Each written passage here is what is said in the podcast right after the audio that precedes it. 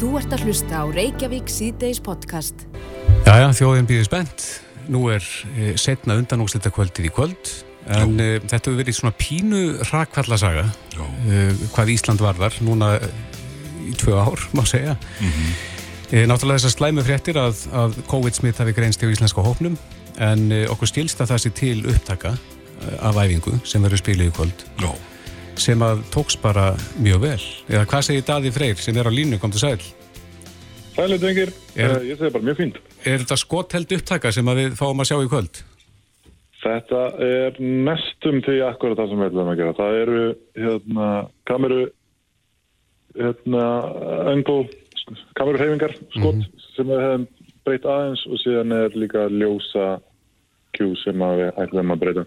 Já, fenguðu eitthvað að uh, fykta í þessu að svona laga þetta aðeins til, þannig að þetta er ennþá flottara.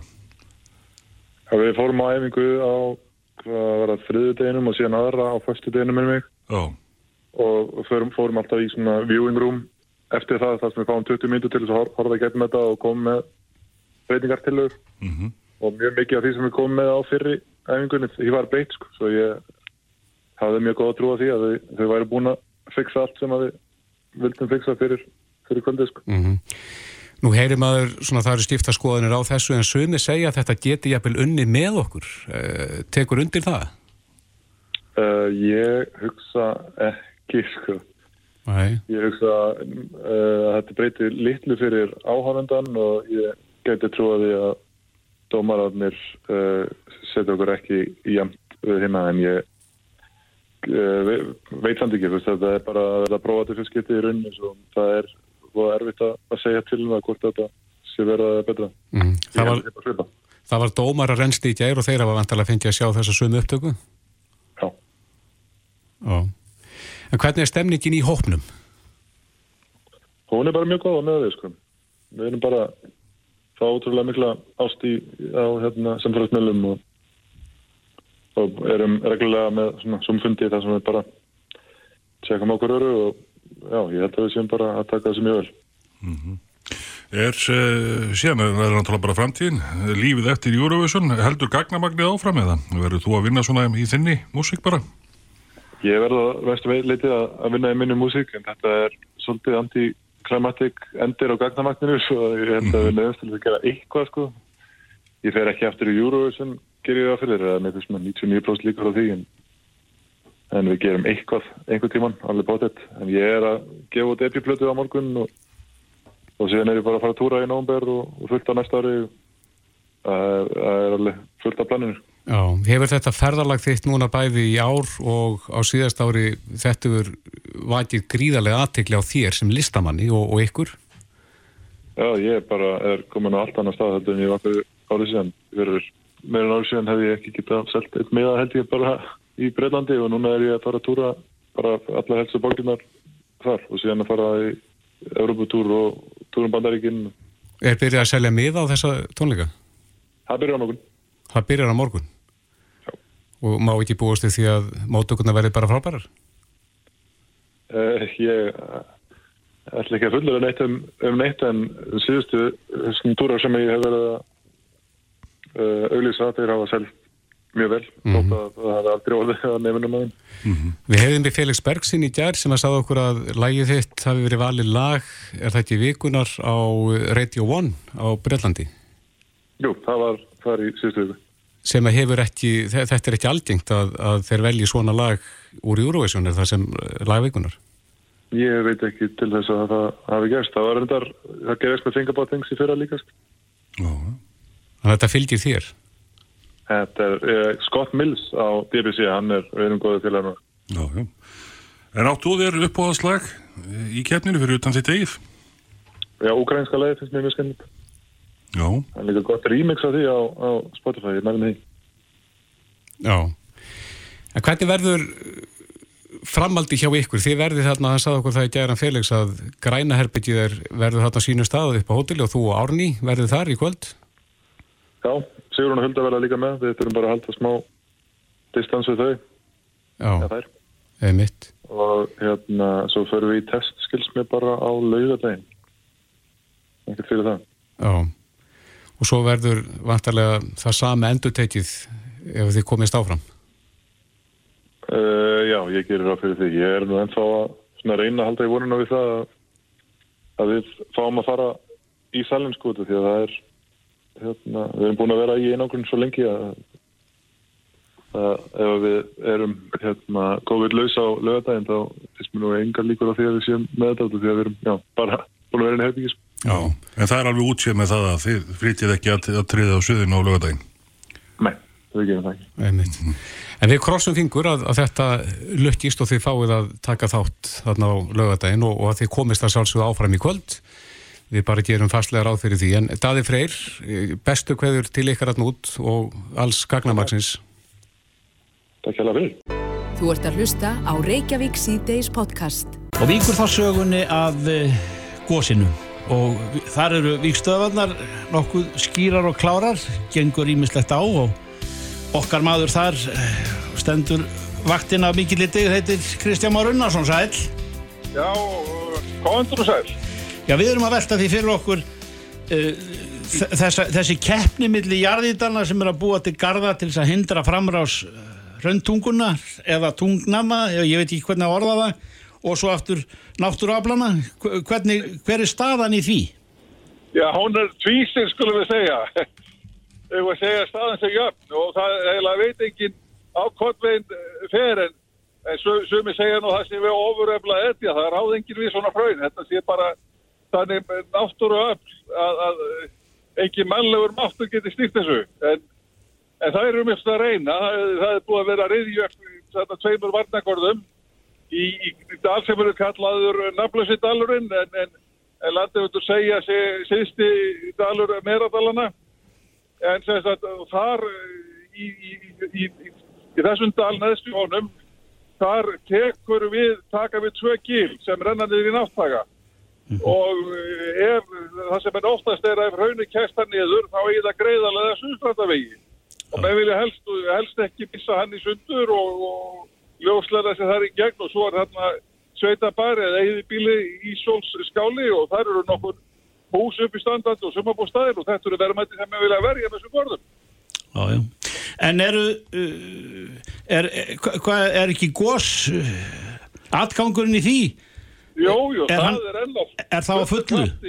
Já, já, já, það er búið að vera núna, það var svona taktbreyting í því fyrir svona 2-3 vikum, mm -hmm. þá jógst reynslið, jógst krafturinn og var svona, það fór, fór, fór að vera svona kviðukent að koma strókar til stand í kannski tvær mínútur og svo er hlýja í, í fjóra-fimm mínútur og svo kemur þetta aftur og þetta er tiltúrlega svona reglufast mm -hmm. kannski á þetta 6-8 minna fresti en, en raunreynslið er tvefalt meira en það var í upphafi Já. og núna er, er spennand að sjá það sem hefur að gerast í gerðkvöldi og, og í nótt og í morgun er það eru yfirborði storknað á hrauninu svo er það strekta undan þessu storknaði yfirborði kannski svona kilómetra frá gignum og það var alltaf unni það sem gerðist um, upp á miðundagi í gær að það fór að spretta hrauna og bara rétt hjá eistri varnagarðunum og allir heilmiklu uppnámi og þá voru menna að vinna þetta með eina ítu og eina gröfu við vestari garðin og ákveða bara strax að flytja með svona ítuna til þess að reyna að stöðva þessa hrauna á því hún stend á eistri garðin og það var ekki alveg að klára ná að vel og þannig að með nýttu bráðabæragarði og hérna en hraunir var nú fljótt að taka hann. Það bara, þetta tafði þetta aðeins og svo fór bara hraunið yfir og svo hefur hérna svo fengum við aðra ítvíkjar kvöldi og, og, og fór að hækka þá varnagarði sem var komin til fjóra metra stendur til að hækka upp í átta metra en, en til þess að er að koma þá ekkur upp þá ruttum er þetta eins og hálf, einum og halvu metra ofan og þetta eistri garði viðbót og, og þannig er staða núna það er eiginlega bara bara pása en raunnið er, það heldur bara áfram og, og ef það heldur áfram þá mun það auðvitað endan að segra held ég. Og ná í Suðustrandavegi fyrr eða síðar? Nei, það er nú kannski oft nefnt að segja það. Það, það þarf nú að standa yfir einhverja vikur og, og svo er spurning eins og Páll Einarsson benti á að ef raunnið er ekkert sérstaklega kraftmikið það, það þykju nú að heldur svona kraftlítið en þá og til dæla lítið þá er ekki víst að hraunin ná og nokkur tíman allarlega á sögustandaveg vegna þess að, að þegar hraunin storknar og ef það er lítið þá storknar það fyrr þá hlæðist það bara meira upp. Þetta er bara eitthvað sem er sjáki Ok. Farinn, dáttin út eða? yfir í tvo mánuði og kannski ef það heldur áfram í marga mánuði viðbót þá kannski auðvitað kemur að því að það ná í já. En ég held að, held að það sé mistakosti eitt, tveir mánuður í það. Já, En hvað veit maður? þetta er, þetta er spennandi hernaður en, en eh, nú eru túristum farið að fjölga, er eh, sjást þess merki á mannana ferðum þarna um þessar slóðir? Jú, jú, og var svo sem alveg fara að gerast. Við sjáum það bara, bara, fyrir, bara strax upp af gósins. Það var fullt af ferðamenn, það var slangur að þeim. Já, en núna? Og þeim hefur fjölgað og, og, og ég er alveg veginn vissu að, það, að stóru meirluti þeirra ferðamanna sem kemur til lands og svona búið er göngufær mun vilja sjá þetta gós.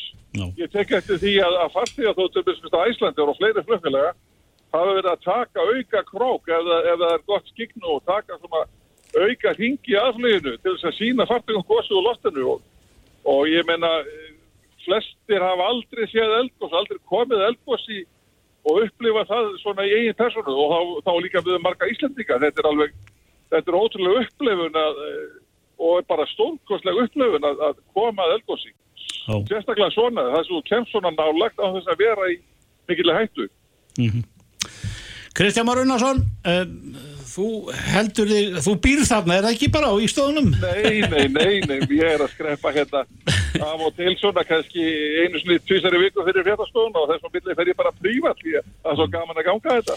Er þetta, dok, er, fyrir ekki, er, er þetta, er gósið vel dokumenterað, myndað í bak og fyrir hvert einasta, hver einasta spýja? Já, já, já, sko, ég held að nú, nú hefur það gæst sem ekki var fyrir 20 árum að hverjum einasti maður er kvingntökumar því að uh, Já, nútíma símar eru það, með það öflugum myndavélum og, og öflugum, þetta, þeir eru eiginlega betri myndatökuvélar heldur en sjóastöðuna voru nota fyrir kannski þetta 20-25 árum. Já. Þannig að hver einasti ferðamaður er held ég að taka myndir og er að fara með þetta heim og setur á netið og á þetta í sínum myndabökkum. Þannig að það eru sannlega sko mörgundruð kvipntökumenn en svo fyrir utan sko atvinnumenn, það eru, eru atvinnuljósmyndar, ellendar sjómastöðar eru kannski ekkert mikið, það er kannski að nýta sér efni frá öðrum. En þetta er öruglega og svo eru þetta bara vísindamenn að skrá þetta líka. Það eru teknað gerfin þetta myndir. Ég veit að Jærvistastofnun, Náttúrufræðastofnun eru að láta fljúa yfir þetta, taka loftmyndir til þess að eh, í hverju vikur taka loftmyndir til að eh, skrá hljóðvinnslu og fylgjast nákvæmlega með því. Já, Og, og Náttúrufræðastofnun er líka mjög, mjög skemmtilega eh, svona þrývítarkort sem sýnir bara, kemur nýtt í hverju viku sem sýnir sko eh, hvernig hraunið er og hvernig það er að stakka. Kristján, gangið þér áfram vel, takk fyrir þetta. Já, takk fyrir. Bless.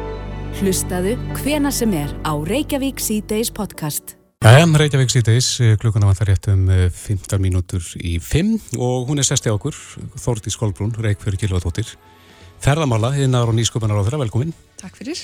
E, við heyrum núna svona á þeim eh, aðilum í ferðarþjónustunni að, að þeir brosa aðeins breyðar núna heldur oft áður. Mm -hmm. Þannig að það, það er, menn er farin að finna fyrir aukinni ásók ferðamanna. Já, og það gerist til dælulega rætt og það er að stórum hluta til vegna þeirra ákvörðun sem við tókum um að leifa ónöðsilegar ferðir fólks frá sagt, utan sjengan, hljóma með þurft og leðilega en það þýðir eiginlega bara að þú veist, að fólk sem er að koma frá öðrum löndum heldur en þeim sem er í sjengan samstarfinu mega koma þó þau séu ekki brýtni nöðsinn til þess að ferðastinga og það er uppistöð til auðvitað bandaríkjaman, einhverju leiti breytar uh, en það er svona kannski setninu sumarið og þetta hefur bara haft ótrúlega mikil áhrif og tekið hratt við sér. Þannig að þetta er bólusettir bandaríkjumenn sem koma hingað, þeir eru að dvelja lengur en áður fyrir COVID. Þeir eru, þau eru tilbúin að eigða tölverum fjármunum hér. Þetta, þetta er svona, virðist vera dálítið fólk með, sem hefur það ágætt og eru auðvitað ekkert búið að geta ferðast í mjög langan tíma.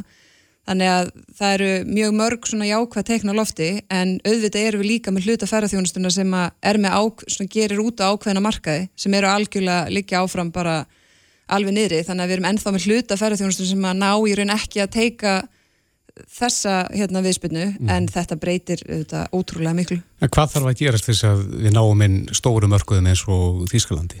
Sko við, fyrir ykkur síðan þá töldum við að Evróp yrði jafnvel fyrri til og undan bandaríkjumunum. Svo bara hefur það gerst að, að bandaríkin uh, hafi þetta bólusett svo risastóran, hérna, stórt hlutfall af sínu fólki á meðan að í Evrópu gengur það hægar. Þannig að í rauninni kemur Evrópumarkaðurinn eins og staðinni núna setna inn, bara síðsumars og svo í haust en þær bókanir eru líka að koma. Þannig að ef, ef ekkert kemur upp á þá held ég að við séum alveg að horfa á sko mjög jákvæðar breytingar út árið þú veist, núna er uppi staðan bandarískir bólusettir ferðamenn uh, og svo koma vonandi breytar inn í sumar og svo förum við að sjá þá væntalega fólk frá menna, Þískaland er öflugt markasvæði fyrir okkur, Norðurlöndin líka. Þannig að það, þetta helst bara rosalega hendur við hérna, bólusetningar og, og árangur í heimalöndum og auðvitað stöðina þar svo sem almennt, ég meina því meira vesen sem það er fyrir fólk að ferðast því minni líkur er á að það nennar standi í mm -hmm. þannig að það hangi líka saman við reglunar í he hverju heimalandi fyrir sig Hva, Hvað spilar gósið stórt hlutverk í, í þessum fjölda? Ég held að það spilir nú alveg tölvert hlutverk, við höfum þetta fengið sko gríðarlega miklu umfjöllun uh, bara sem land um, hérna út frá gósunu og umfjöllun sem öruglega hægt að verleggja á nokkra miljardar sko. Þannig ég held að, en, en, en uppistæðan er samt sko, það er bara hó, stór hópur fólks í bandaríkjunum sem langar að ferðast og það hefur bara ekkert verið velkomið á neitt marga staði. Þannig að, að við, þegar við tókum þessa ákvörunum Schengen þá gerðum við það í raun á okkar fósundum.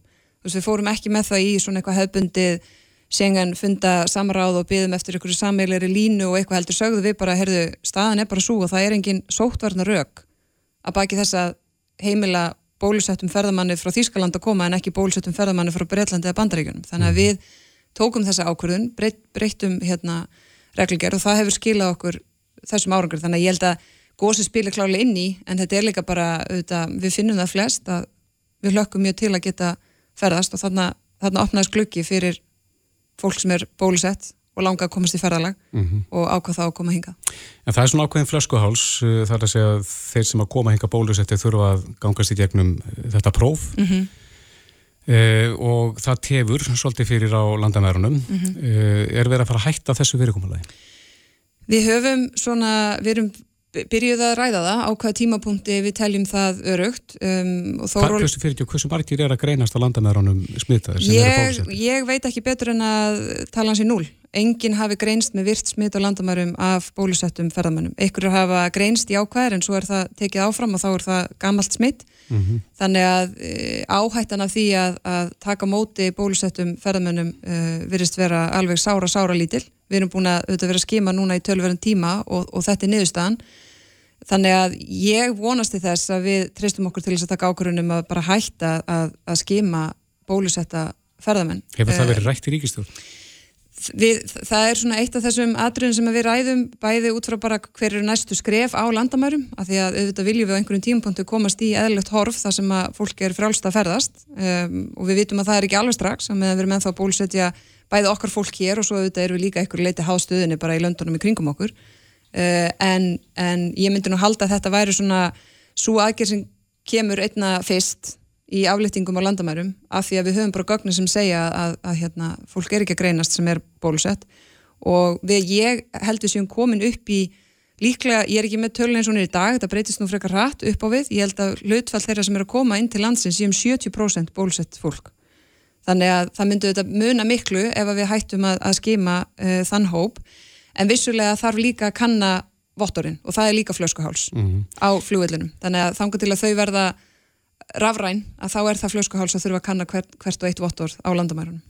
Aðeins meira þessu tengt uh, uh, það kom spurning hérna í gegnum símatíminn daginn þar sem að var, ja, því var veld upp hver borgar brúsan þar sem fyrir mm -hmm. þá sem að þurfa að dvelja á sótvarnar hótelunum mm -hmm.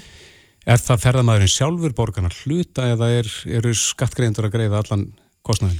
Sko, við, núna er fyrirkomulagið þannig að við tökum ekki gjald uh, fyrir dvöl á sótvarnarhúsi og hérna þannig að þegar að um er að ræða eh, einstaklinga sem að hafa ekki viðnandi aðstæður til að vera í sótkvæð heimi á sér að þá dælja þau í sóttarnarhúsi og svo erum við ákveðinlönd það sem er í raun bara engar hérna, undanþáur þannig að þó þú hafir viðnandi húsnæði þá þurftu samt að fara á hóteli eins og staðinni núna eru þau, er það engungu Holland, Frakland og Svíþjóð held ég. Voru fleiri en eru núna hérna, voru til að mynda bæðis Bátn og Póland en eru ekki á listanu núna, hann alltaf breytist að því að bara eins og staðan breytist í í hverju einu landi. En fólki sem er uh, að dvelja á sótvarnar hérna, húsi eru sko íslenski ríkisborgarar og pólski ríkisborgarar sem eru þá fólk sem að hér auðvitað vinnur og, og greiði sína skatt og skildur og er að ferðast heimti sín eins og eðlilegt er uh, það er, ég held að það sé um 50% af, af hérna, fólkinu sem er að dvelja á sótvarnarhúsi og þessi bólusötuferðamenn eru auðvitað ekki að gera það og, og hérna og svo eru hluti af fólki sem bara getur verið í, á he, sínu heimili eða öðru húsnaði sem að er það bara metið sem nægilega örugt mm -hmm. en öðru leiti er, eru við að, að greiða fyrir þetta enda eru þetta ákvörðun sem að við tökum Hver er kostnæður norðið núna? Sko ég held allavega frá ef við tökum apríl frá fyrsta apríl, þannig að apríl og svo núna hérna út mæ eh, eða til dagsins í dag þá er þetta að mér skilst. Nú þú eru ekki alveg að vera með staðfesta tölun ég held þetta sé um svona tæplega 700 miljónir sem far, hefur farið þetta. Það er það annars vegar samningur við sjúkartryggingar og svo matarkostnæður og þjónustu samningur við Rauðakrossin sem sinnir þarna þjónustu þannig að þetta, þetta kostar vissulega en, en það var uh, matmanna að þetta væri mikilvægt til þess að koma í veg fyrir hérna, frekari dreifingu. En vonandi kemur nú líka að þeim tímpunkti að við þurfum ekki að halda úti svona rástöðunum þó að fólk sé að koma til og frá landinu. Mm -hmm. Rétt aðeins í lókina því að tíminn flýgur frá okkur, það er ferðagjöfin. Já. Eh, Hvernig hefnaðist hún í fyrra? Hún hefnaðist ótrúlega vel. Við hérna, hún var auðvitað bæði sko hagræn aðgerð um, sem svona innspýtingin í hagkerfi en hún var líka tákgræn og hún virkaði í, á hérna báða bóa um, fyrirtæki fóru að bjóða tilbóð og, og Íslendingar hérna, nýttana, við hefum náttúrulega ekki það er ekki allir nýttana en það gerur svo sem ekki ráð fyrir að, að það er þið, en það er hægt að framsælja hana líka, þannig ef að þú sér fyrir að, að þú ætlar ekki að nota hana, þá getur þú komið inn á batnabatn eða vin eða vinkun eða hvað um, núna er hægt að nota þessa sem er að renna út. Það er hægt að nýta hana út mæmánuð en við erum búin að taka ákvörunum og alþingi búið að samþykja það að ný taki við, þannig að það tekur bara ný gildi fyrsta júni, þannig að allir þeir sem notuðu síni fyrra geta nota aðra núna Er það sama upphæð? Sama upphæð, sömu reglur. Þetta er bara ferðagjöð 2.0, já. já. Og þá uh, eh, 5.000 krónur fyrir 18 ára eldri. 18 ára eldri. Já,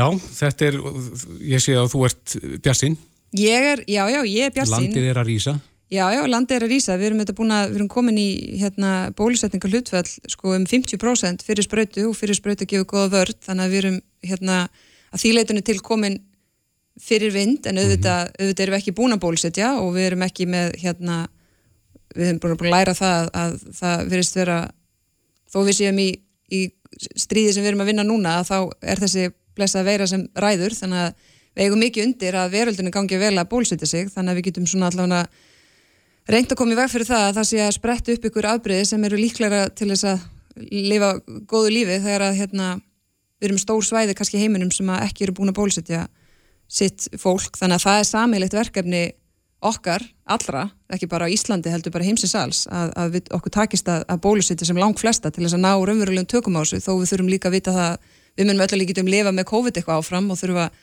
mögulega eitthvað búst næstu ár og svoleiðis, en, en það verður þá eitthvað sem við kunnum þá að lifa með því þessi veruleiki sem við höfum við lifið núna undanfarna 15 mánuði hafa ekki verið eðlilegir, þannig að við þurfum að, við þurfum að komast út úr því. Mm -hmm. og ég er bjart sín á það. Það er farið að glitta eins í afnám grímustjöldu, hefur það verið rætt í ríkistjórn?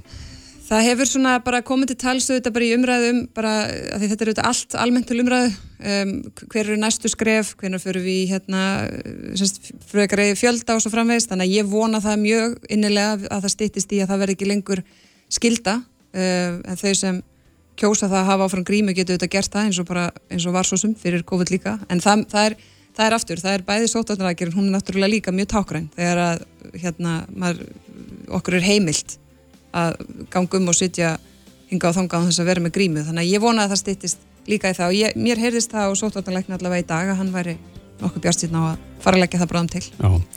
Þórtís Kolbrún Reykjörð Gíladóttir ferða yðnaður og nýsköpunar á þeirra kæra þætti fyrir komina Takk. Reykjavík síðdeis á bylginni. Jæja, Reykjavík síðdeis, það er nú fínar fréttir í fréttum dags, það sem að búast við að uh, aflýttingar sé á næsta leiti og, og nú er byrjað að tala um möguleg, uh, mögulegt afnám grímustýldu. Já, allir margir myndu taka á hann ef að hún herfi. Já, en eflust er einhverju sem að treysta ekki alveg strax og myndu hafa hann uppi, en, en Þórólu Guðnarsson, sóttvarnalegnir, er á línunni, kom til sæl. Sælir? Já, blessaður, blessaður. Er farið að glitta í afnám grímustýldu?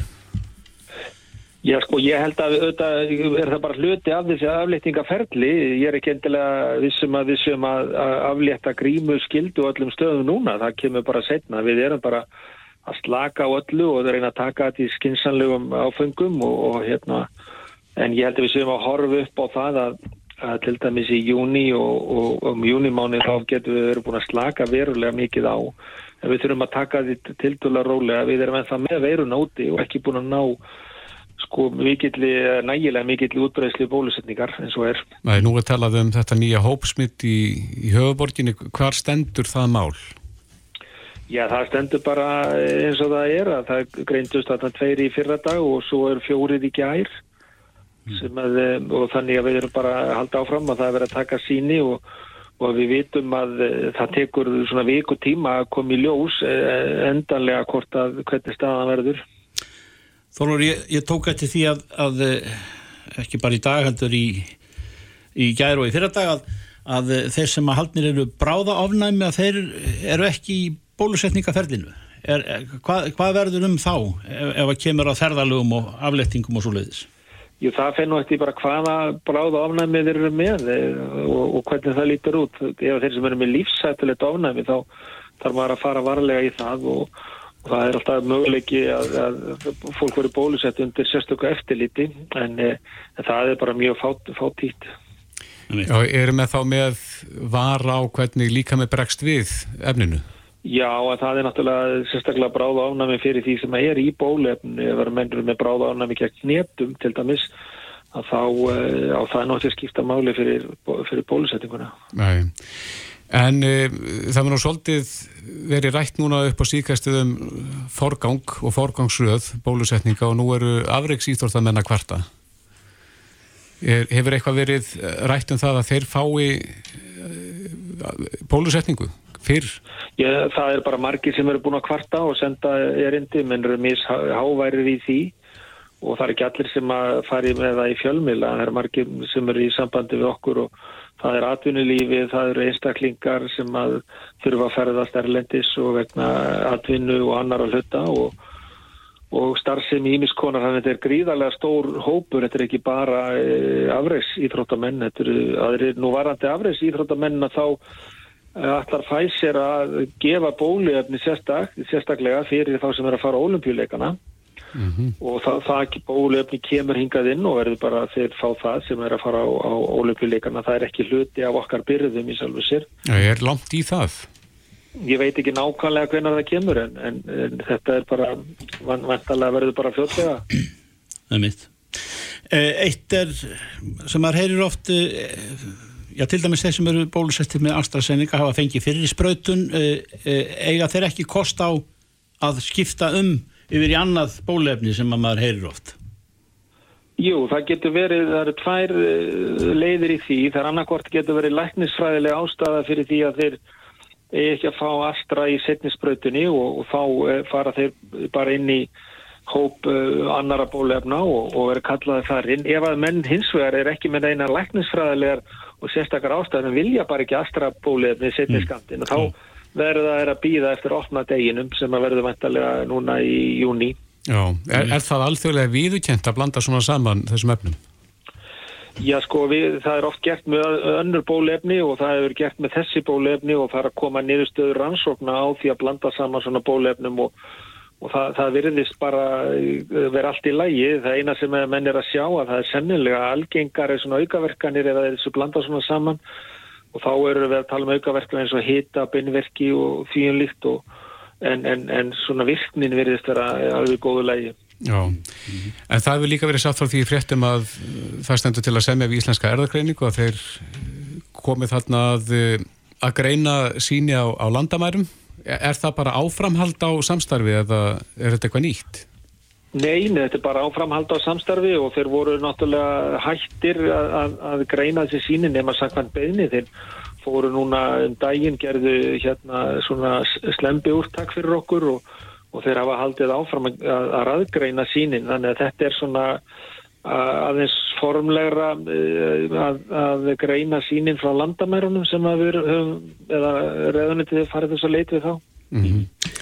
Og kannski að lókum þetta að þólur að sinni e, hvernig líður indverska afbyrðinu það er alltaf að koma nýtt og nýtt inn á, inn á skjáin hjá okkur og, og, og hver er viðgangur þess? Já, það er að dreifast meira út í Evrópu og Breitlandi og fleiri löndum en við hefum greint eftir sem ég veit best bara tvo á landamærunum og við hefum ekki greint neitt innanlands með það og þannig ég held að þessar sótvarnarháðstafinu sem við erum að við hafa á landamærunum og innanlands er ég alveg að virka á það afbríð eins og önnur og, og hérna eh, þannig að við reynum bara að, að, að sleppa því ekki inn í landið. Þorólur Gunnarsson, sóttvandarlagnir, kæra þakki fyrir spjallið. Já, sumliðis. Takk. Takk, takk. Þetta er Reykjavík C-Days podcast. Jæja, Reykjavík sítiðis að þess að kjaramálum, uh, fórseti ASI, Drífa Snædal, hún uh, kvarti fólk til þess að sniðganga flugfélagi Play, Jó. þar sem að þessu ekki að spila eftir íslenskum leikreglum og, og síðan með síðan launa starfsfólki sínu langt undir því sem að gengur og gerist á íslensku vinnumarkaði. En Drífa er á línu, kom til sæl. Já, blessaður. Já, fórstjóri Play, Birgir Jónsson, hann svaraði þessi gær og uh, hann hótar málsókn, segir að þú hefði bara ekki kynntir máli nógu vel. Já, einmitt, það er bara, ég myndi fagna því að það kemur málsókn því að þá erum við að leggja fram öll gögn, mæntalega. Uh, við uh, erum lengi búin að býða eftir því að fá þennan svo kallar kærasamling í hendunar sem Play er búin að gera. Mm. Voru reynda búin að fá pata því að þeir svona auglýsa sig fyrir fjárfestum þannig að þeir ætla að lækka launakostna verulega og það sé þeirra samkeppnistaða en við vorum ekki búin að sjá samningi fyrir hann byrtist okkur fyrir tvöldum miðstjórn ASI brást mjög harkalega við en það er til enn til og það er hvernig, hvernig svo sem við snúum okkur í þessu að það sjáum við ekki betur að þetta sé svona uh, 30 til 40% undir uh, launum sem uh, flugfröðufélag Íslands gerir í nauðasamningum við Æsland er Já, þannig að, Eh. þannig að þú, þú sérði ekki eftir neinu og, og við kennir ekki að hafa hlaupið á þig þarna eins og hann lætur í skína, fórstjórin. Nei, það ger ég ekki og, og hérna, mér finnst nú mjög fyndið að þessi, hérna, þessi að hamast í mér, þetta var til umfjöldunar í miðstjórn ASI uh, og miðstjórn var samtíkt þessari yfirlýsingu sem við sendum frá okkur. Við sendum líka frá okkur í dag hérna samanbörð á þessum launum, þar sem þetta kemur bara skýrt fram uh, hvað er í gangi. Og, en launakjörun er eitt og síðan er sko tilur þessa samnings annað. Uh, við sjáum ekki betur heldur en sko samningurinn er gerður áður en flugfröður ráðnar inn til starfa. Þannig að þetta er ekki kjara samningur gerður af vinnandi fólki við fyrirtæki. En hafa fórsvarsmenn Play haft samband við ykkur og, og skýrt sína lið? Uh, við óskum þetta fundum við fórstafsæðan Play bara í síðustu viku. Uh, við vildum að uh, flugfröðufélagið formaður þess sem jafnframt hefur átt sæti í miðstjórn ASI hérna sætið hann fund. Þeir vildi ekki hitta flugfröðufélagið og þannig að við líktum svo á að þeir eru hafna að fundi með okkur en þeir náttúrulega ákveða ekki hverju setja fundi fyrir okkar hand. Flugfröðufélagið er, er náttúrulega það sem þekkir kjara samninga í þessum geira hvað best og, og hérna umgjörðina. Þannig að það hefði nú verið eðlilegt að, að þeir myndi hitta flugfröðufélagið. En... Af því sögðu að þá vil ég segja það að ef play gengur til raunverulegs kjarasamnings við það stjættafélag sem fer með samningsumboð fyrir flugfröður á Íslandi uh, og er ekki að reyna að möndla það og komast hjá því að gera eðlega kjarasamninga að þá myndum við fagna samkeppninni og bara óska þessu félagi allsins besta. En það er ekki hægt í þessari stöðu. og standið þið við áskorun ykkar um að fólk sniðgangi félagið? að sjálfsög. Bæði, bæði sko, hérna, að fó- fólk þarf að fá að vita það að þegar, þegar að kaupa flugmiða, uh, hérna, mjög ódýrt, að þá er það að kostna launa starfsfólks uh, þessa fyrirtækis og við hvetjum líka fjárfæsta til að skoða þetta afar vel áður en þeir gangaði í það að, hérna, setja peningin í þetta fyrirtæki. Já, en drífa að öðru, það eru launamál landsmanna. Eh, Það er ekki langt síðan að kjærasamninga voru lausir og hér var gengið til samninga, eh, samið um launahækkanir og menn spurði á þeim tíma hvort að þetta myndi ekki komið bakið á okkur, að þetta er tekið eitthvað starf annar staða frá og, og nú hefur Sælanbakastjóri sagt að, að launahækkanir síðustu sé að spila stóra rullu í, í hérna verðbólgunni sem að nú er. Nú er vaksta hækkun nýjaf staðinn. Já, já, já. Hérna, sko, það er, það er, þetta er nú ekki sækvæmt okkar greiningum. Við sögum það strax þegar við fórum í, hérna, inn í þessa kreppu að það besta sem við myndum gera var að halda okkar streiki. Uh, og vera bara með fyrirsjáanleika, uh, láta þessar launahækkanir, hóflugu launahækkanir sem sami árum, krónutölu hækkanir, uh, gilda, þess að hækka lefstileg. Uh, það sem er að gerast í verðbólkun núna er alltaf fyrst og fremst þessi húsnæðismarkaður. Uh, lækkun vaksta drýfur áfram hækkun húsnæðis. Fólk hefur meira umleikis handa á milli getur tekið út sér eitthvað spartnaður og framvegis uh, til þess að leggja í húsnæði gengið hefur líka þarna áhrif þannig að þetta nú afar einföld skýri ekki að seglabakastjóra að segja launahækkanir hafa þarna áhrif. En það sko er ekki skýrt samband línulegt á milli launahækkana og verðbólgu En er þetta ekki bara gangur... Ég myndi að halda að hann ætti að líta í eigin barmaður en hann fyrir að, hann fyrir að hérna ræða launahækkanir síðan valdandi verðbólgu þessu sinni. En er þetta ekki bara gangurinn sem hefur verið í gegnum sögun að laun hækka og þá hækkar verðlag í landinu? Uh, nei, það er það reyndar ekki. Uh, laun hafa við óttum tókum mörg ári í það að ná upp hérna launum eftir síðustu kreppu, eftir á kjararýrnum sem var þá. Uh, og, og það er nú bara umdeilt, fólk kemur á undan verðbólka launahekkarir uh, auk þess sem að uh, nýjustu hafðræðaransóknir sína á það að verðbólka er nú tölvöld flokknar að fyrir bara heldur en að þessi beint tengingu launahekkanir eða hverju sinni. Mm -hmm. Já, Drífa Snædal fórsætti aðeins í. Kæra þakki fyrir þetta Takk sem leðis Reykjavík síðdeis á Bilginni podcast Reykjavík síðdeis, P-máli svo kalluða, einhvern veginn held maður að það væri svona til líkt að leitt en uh, kom það ekki upp í kringum 2012. Já, þetta búið að vera lengi fréttum. Já, og búið að velkistum, en svo koma mm. fréttir núna uh, um framgang þessa máls og þá er það hópmálsók sem að ásist að í útlöndum, held í Fraklandi. Já. En uh, það er konur sem að eru hlutaðegandi að þessum málum hér á Íslandi erum með lögmann, Saga Ír Jónsdóttir er á línu, kom til sæl Sælir Hvað gerist núna þarna úti?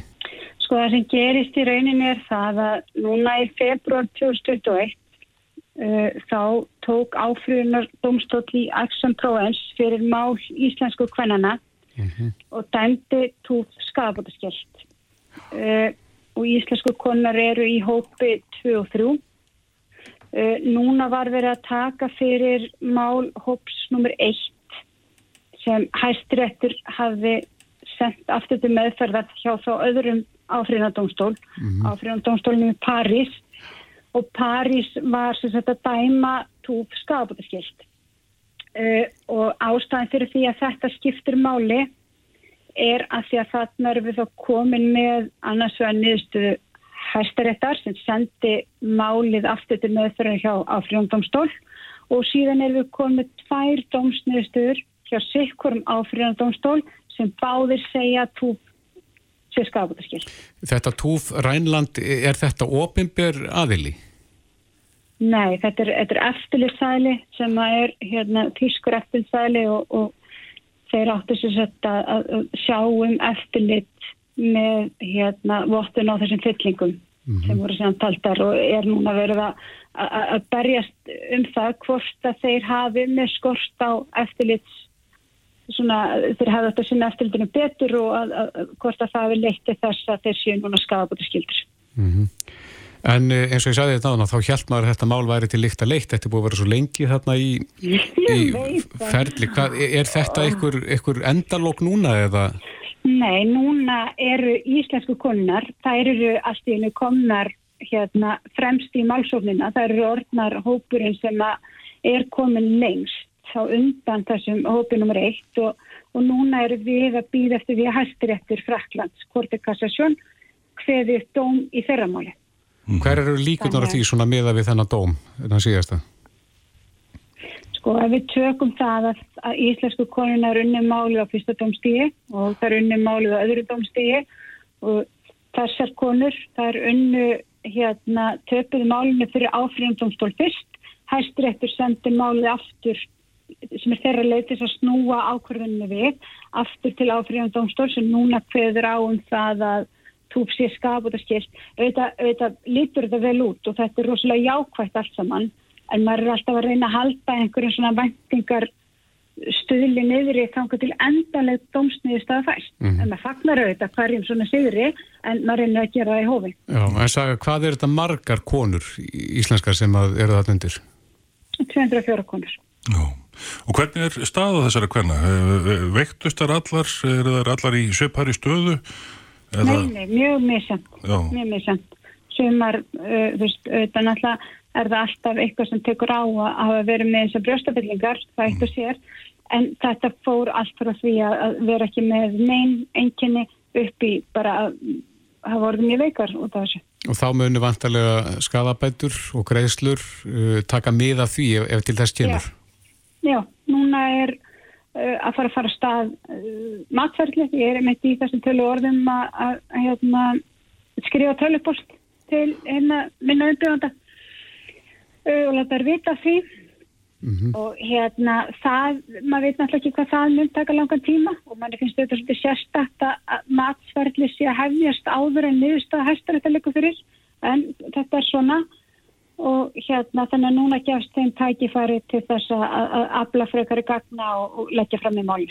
Já, akkurat. Þannig að málin er ekki lótið en þetta er svona ákveðin áfangasígur á þessari leið. Já, og bara jákvæð vísbending. Þetta bara gefur til kynna að það séu allavega þauðverðar líkur á sigri þráttur að séu þetta aldrei neitt fast í hendi. Já, Saga Ír Jónsdóttir, lagmaður, kæra þakki fyrir spjallið. Takk sem við leiðis. Reykjavík síðdeis á Bilginni podcast. Reykjavík síðdeis, það styrtist í að leint verði aflétt af gognum eh, sem að Varnamálaráðandi bandarækjan hefur tekið saman um eh, fljúandi förðulhutti. Þetta er eh, var ákveðið á þingi í desember 2020 en, en núna í, í júni þá verður þessari leindaflitt og það eru margir sem að býða spenntir eftir því að vita hvað kemur fram í þessum í þessum stjölum eða þessum gögnum e, Sævar Helgi Bragason sem að þekki nú margt um heiminn geimin er á línunni, hann er reitstjóri stjórnumfræði vefsins og stjórnumfræði kennari, kom til sæl Kom til sæl og bara sæl Já, við höfum nú rætt áður við þegar um fljúandi förðurluti og svona varpa fram spurningunni er, er líf þarna úti? Já. Þú hefur nú ekki fengið sönnum fyrir því en þá? Neitt, neitt umvendt. En, en e, e, Varnamálaráðunitið eða Pentagon, þeir ætla að, aflétta leint af, af gögnum og nú býða með spendir. Við hverjum að búast? Já, það er góð spurning. Það er búið byrsta núna á undanförni og undanförnum árum eh, myndskeið sem að teknar hafa verið með herrflugulum bandrækja hers mm -hmm. sem sína fyrirbæri á sveimi í andrumsloftun okkar að þeir verðist sem ekki hefur fundist skýringa á en eins og gefna nefnt að það ég hef þó við getum ekki útskipt það sem við sjáum þá er það náttúrulega kannski ekkert sem bendir til þess að það sé eitthvað ójarnest heldur bara það að það vantar skýringu Þegar þú sér svona fyrirbæri sem að kannski skjótast um og ógnar hraða Uh, og engin uh, þekkt tækni sem við vitum um hér sem að, sem að ræðu við slíkan hraða. Hvað, hvað sér þú? Uh, ég sé eitt og annað sem að geti til dæmis plata okkur. Við þekkum það til dæmis að þegar við horfum að fjarlæða hluti í nála og tökum myndaði, þá geta myndast til dæmis svona ljósjúpar í kringum það, sérstaklega myndin er óskýrar og vegna þess bara að hluturinn er langt í burstu. Með hliðrun og þess að það er hægt að sjá hlutinu hreyfast og óknar hraða því verðist úr okkar sjónarhóli en þegar kannski betur að gáð þá kemur ljósa umur að ræða bara fyrir bara sem að ber við eitthvað annað í bakgrunn og lítur þannig út fyrir að ferðast svona hrætt yfir mm -hmm. þannig að þegar við sjáum myndir sem teknar úr mikill hæð úr herrflugulun sem fljúa hrætt að þá er náttúrulega rosalega erfitt að draga það álugtun að það sé í alveg verið að brjóta mögulega lögmál eðlustræðin er þessu þess það vantar bara skýrari myndir af því sem fyrir auðvitað er þannig að við höfum dæmi til dæmis um þetta sem að fólk sem hefur mikið áhuga þessu tekur þessi vídeo fyrir og rannsækar þau býstna uh, ítalega og geta þá til dæmis bara gert myndina skýrari með ákveðinu myndvislu tækni sem að er notuð skjarnan þá kemur okkur ljósa við með ræðar hennilega bara fribbla úr flugvilum eða jæfnvel loftbelgi sem frá okkur sjónurhóli virka uh, virðast ferra strætt yfir og svo þeirra hérna herrflugurlega sjálfur að mynda alveg þeirra breyta um afstuðu þá verðist það hrökkva í hinn áttinu og svo framvegs en þetta er bara svona sem að kemur ljós þegar menn rýna vel í gögnin og reyna að komast einhver ákveðin nýðstöðu. Telur þú að það séu litla líkur á því að það leynist eitthvað svona vitsmuna líf þarna úti sem að hefur jafnvel heimsótt okkur jarðabúa? Sko ég er alveg jáfnveg þú ég hafa ekki neinn sönnugögg fyrir því að það sé vitsmenn líf eitthvað annan hann úti. En ég er alls ekki sannfarður um að það sé heimsækja okkur eins og þess og ástæðan er bara einfallega svo að það er mjög ópraktíst að heimsækja okkur, það kostar miklu orku það tekur rosalega langu tíma, jafnveg svo að uh, hugsanlega tæki að faratæki háþróar að tæknum veitra menningarsamfélagi getur verið miklu miklu öflur heldur nokkar að þá er oft bara best að rannsækja hlutina úr fjarska frekar en að hérna fleita kellingar í andrúrslótti okkar eitthvað slíkt. Þannig að ég er samfærður um að það sé lífot núti en ég er ekki ennþá samfærður um það að það sé verið að heimsækja okkur. Nei. Býðu þú spenntur eftir því að lendinni verið aflétt að þessum gögnum? Já, sjálfsögðu. Þetta er bara áhugaverða myndir og hérna þegar maður er forvitin um allt mellir heimins og jarðar þá er þetta vissilega bara spennandi og ég hlakka til að komast að því hvað raunverulegur um að ræða. Ég þó að ég tel ég lang líklegast að um sér að einhvers konar svona jarðinest fyrirbæri sem að við bara höfum ekki betri upplýsingar akkurat eins og er um. Nei, akkurat. Sævar Helgi Bragarsson, kæra þakki fyrir þetta. Takk fyrir það. Þetta er Reykjavík C-Days podcast.